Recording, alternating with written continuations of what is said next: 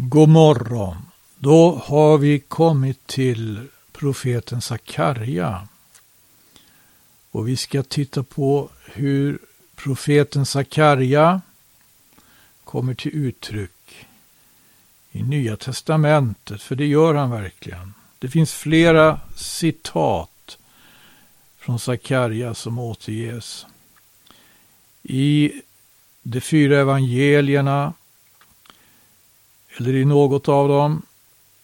Och där dessutom så innehåller Sakarjas bok ett antal syner som i princip återkommer i en annan form kanske, men i princip med samma betydelse i Johannes uppenbarelse.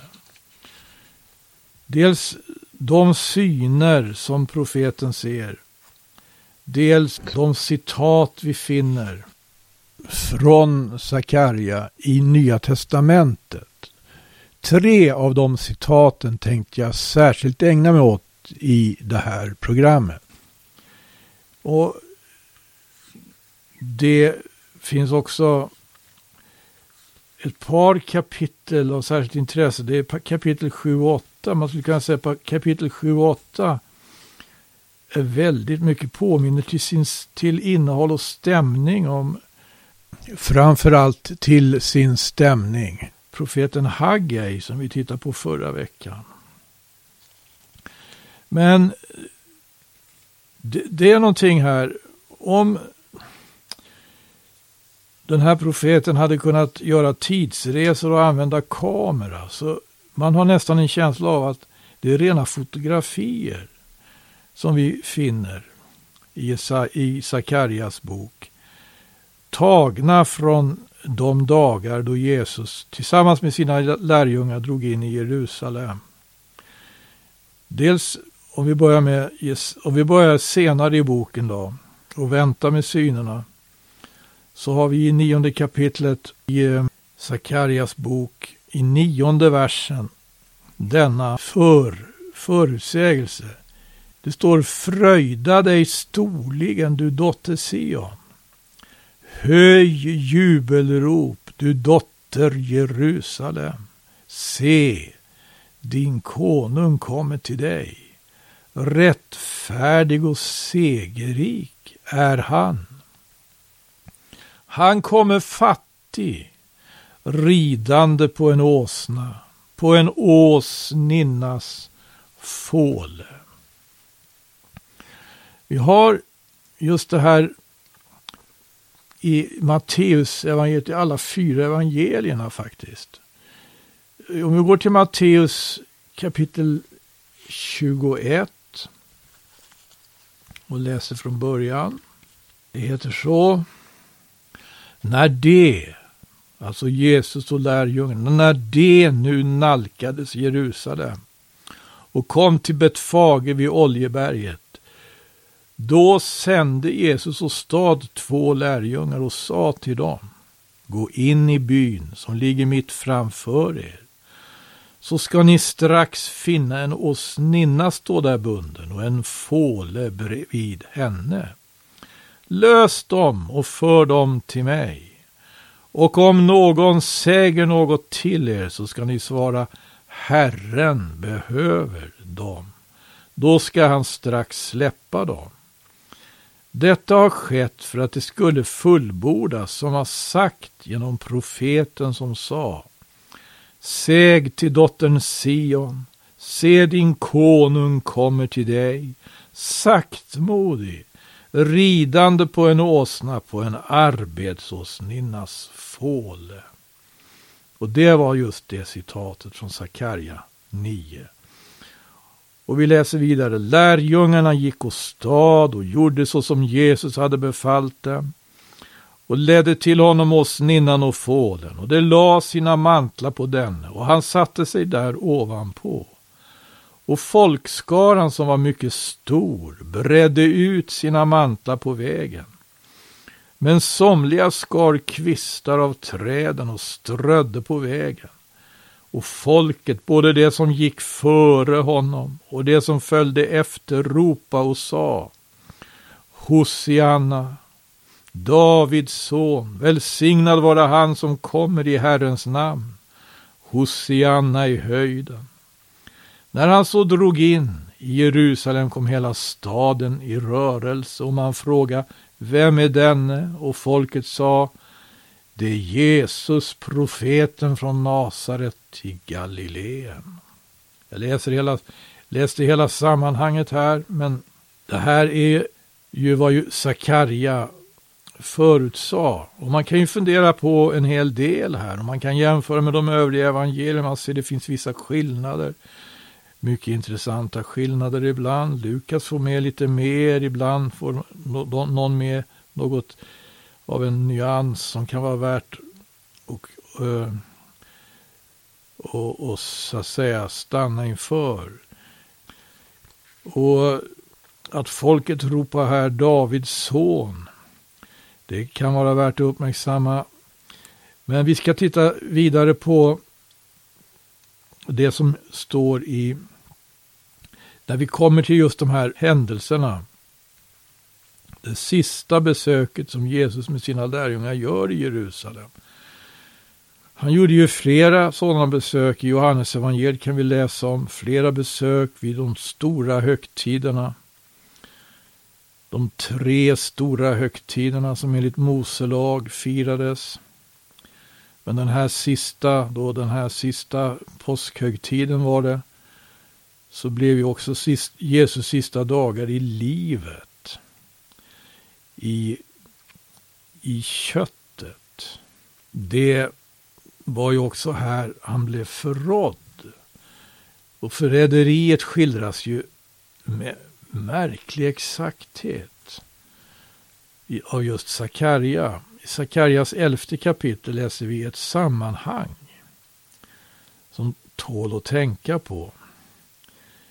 Hur den som kallas för herde för slaktfåren tycks bryta staven över sina får.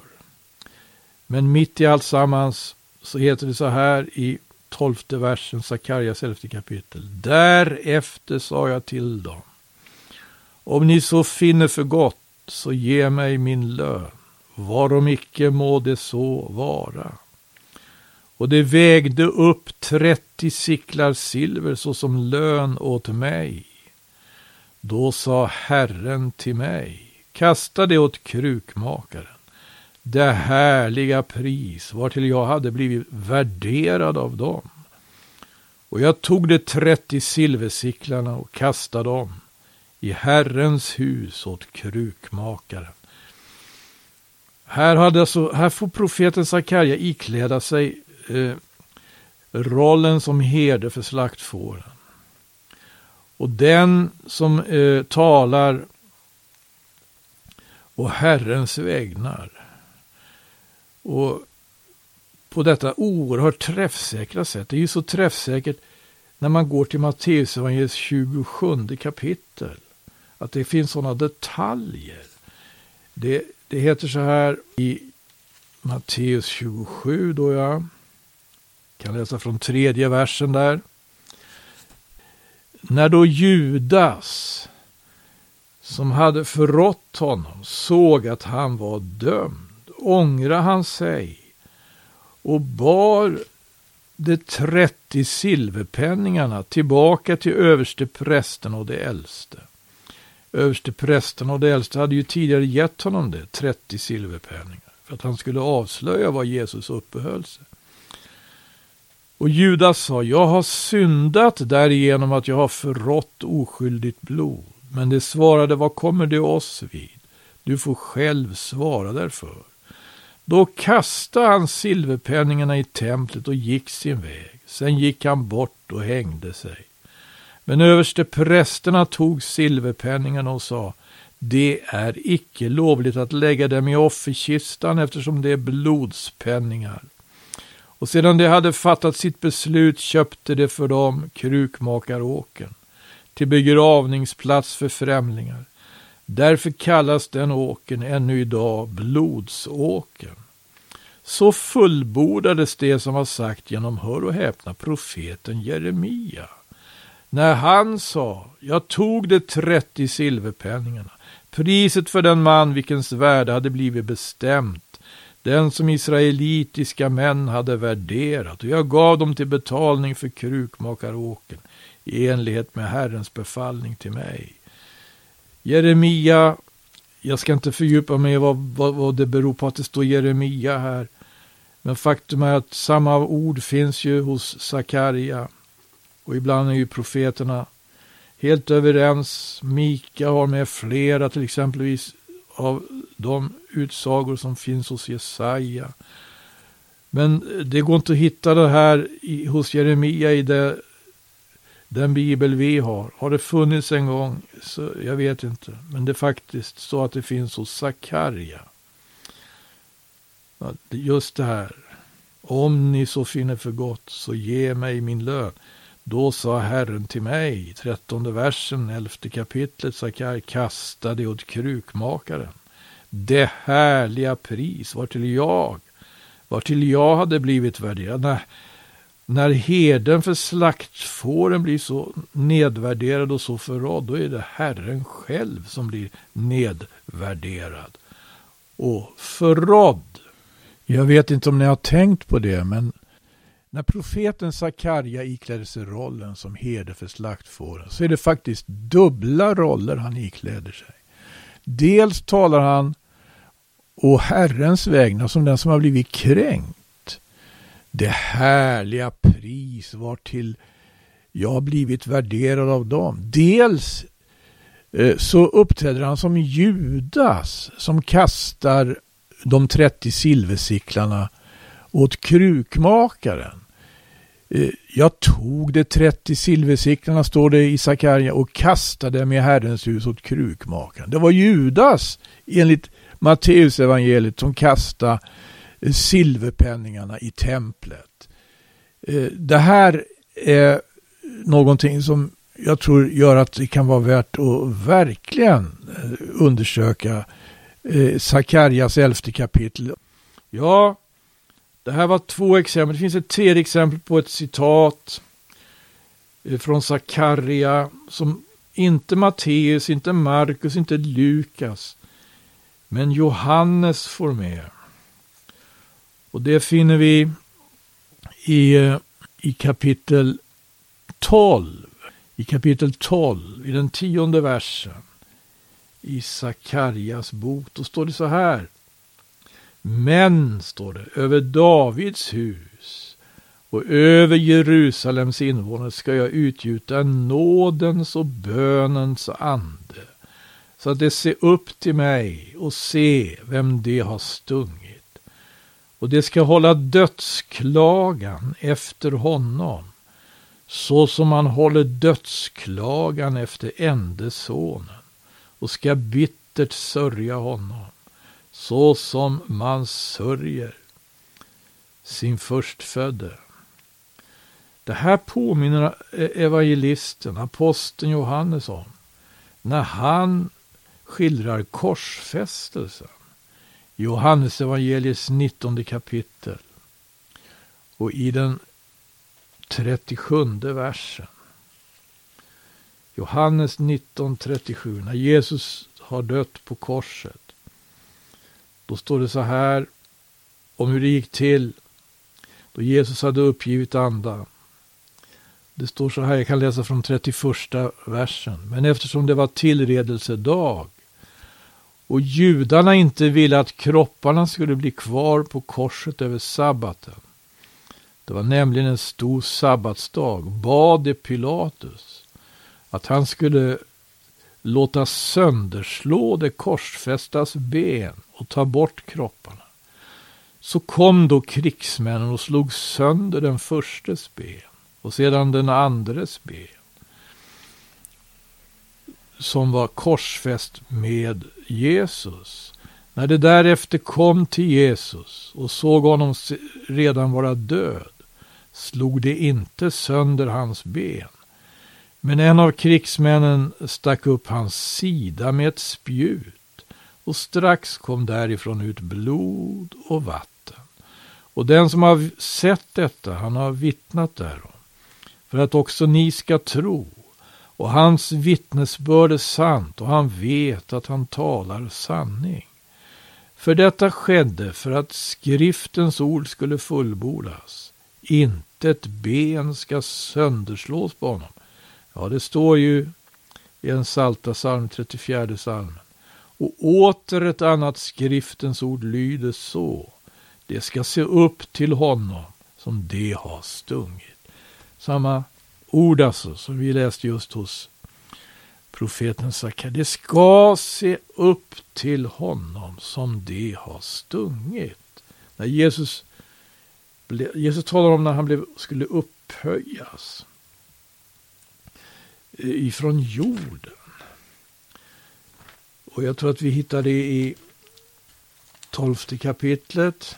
Det var några greker som frågade efter Jesus.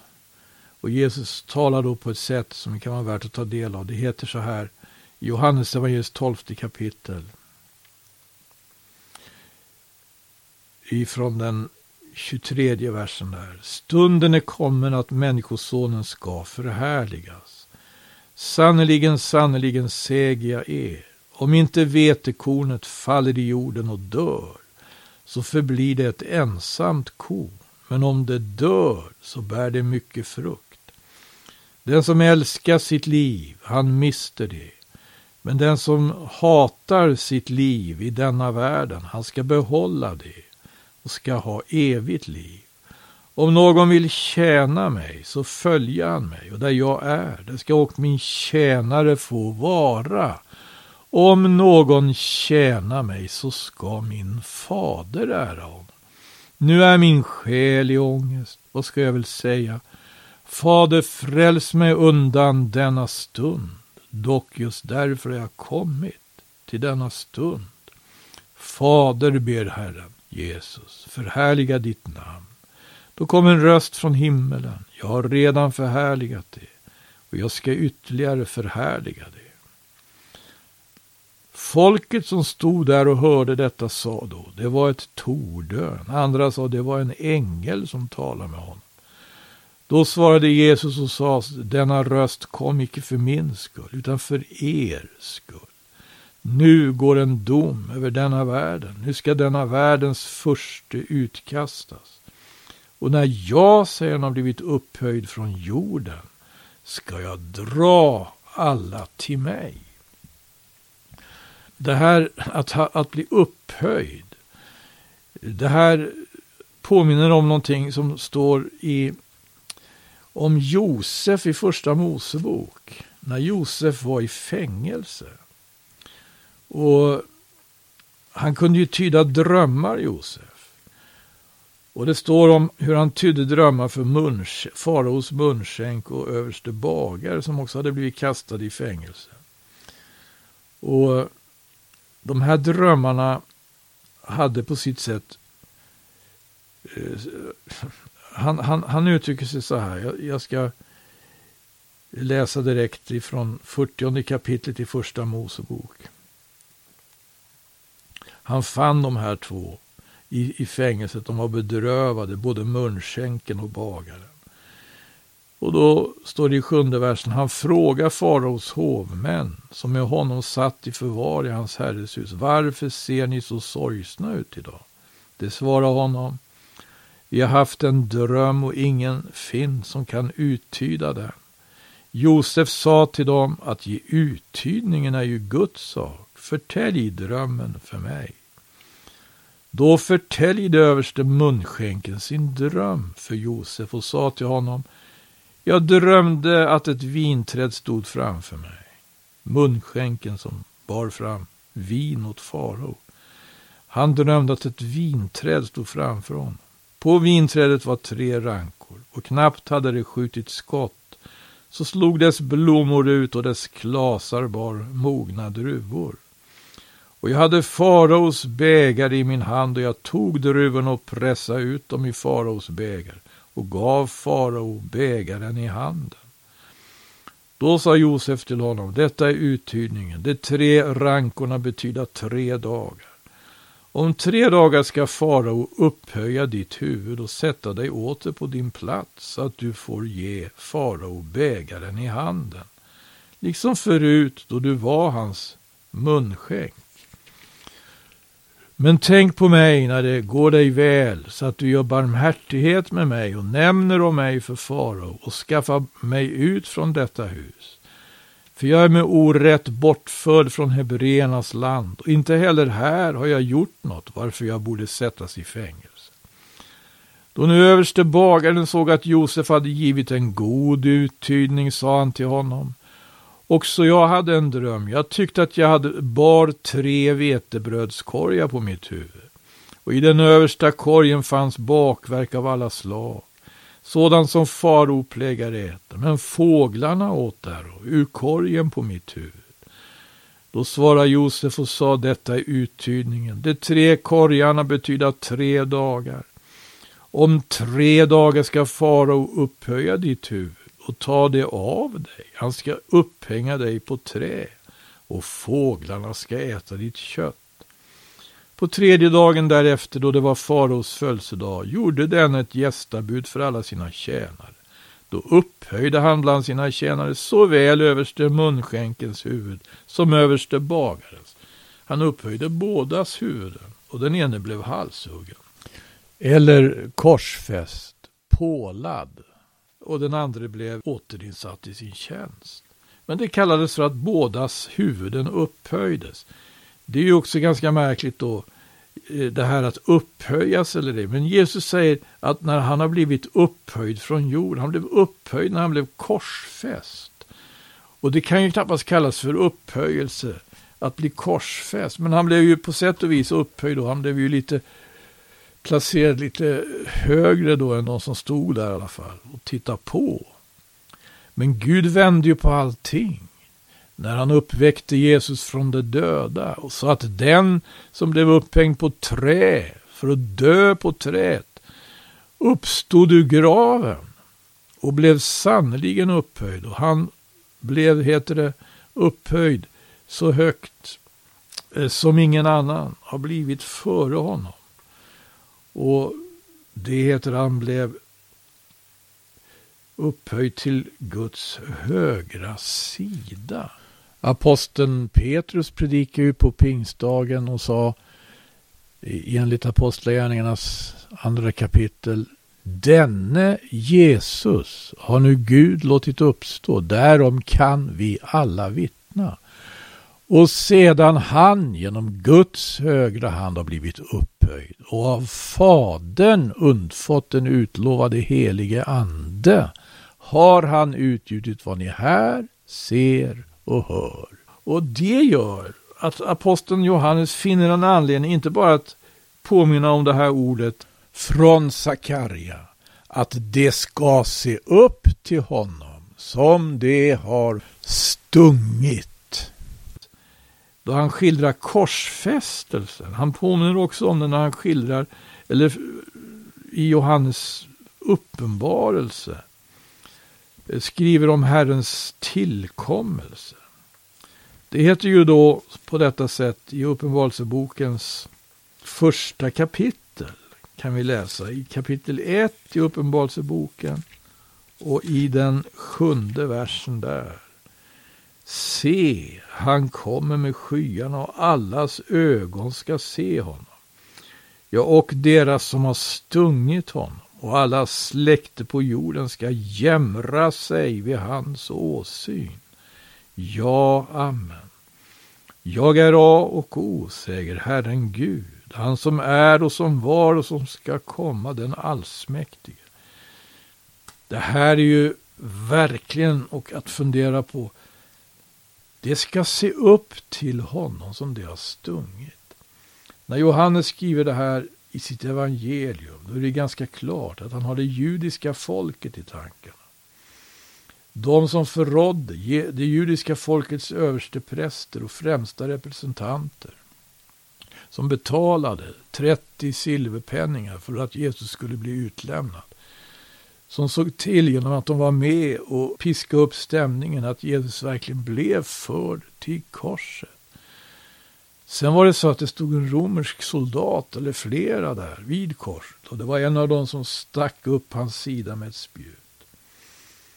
Det verkar ju kunna vara någonting som stämmer med att han blev stungen. Men det,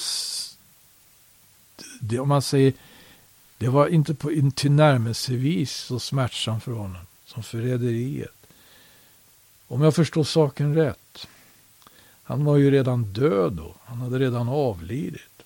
När den romerske soldaten rände spjutet i hans hjärta. Men han levde och var fullt medveten när han blev förrådd.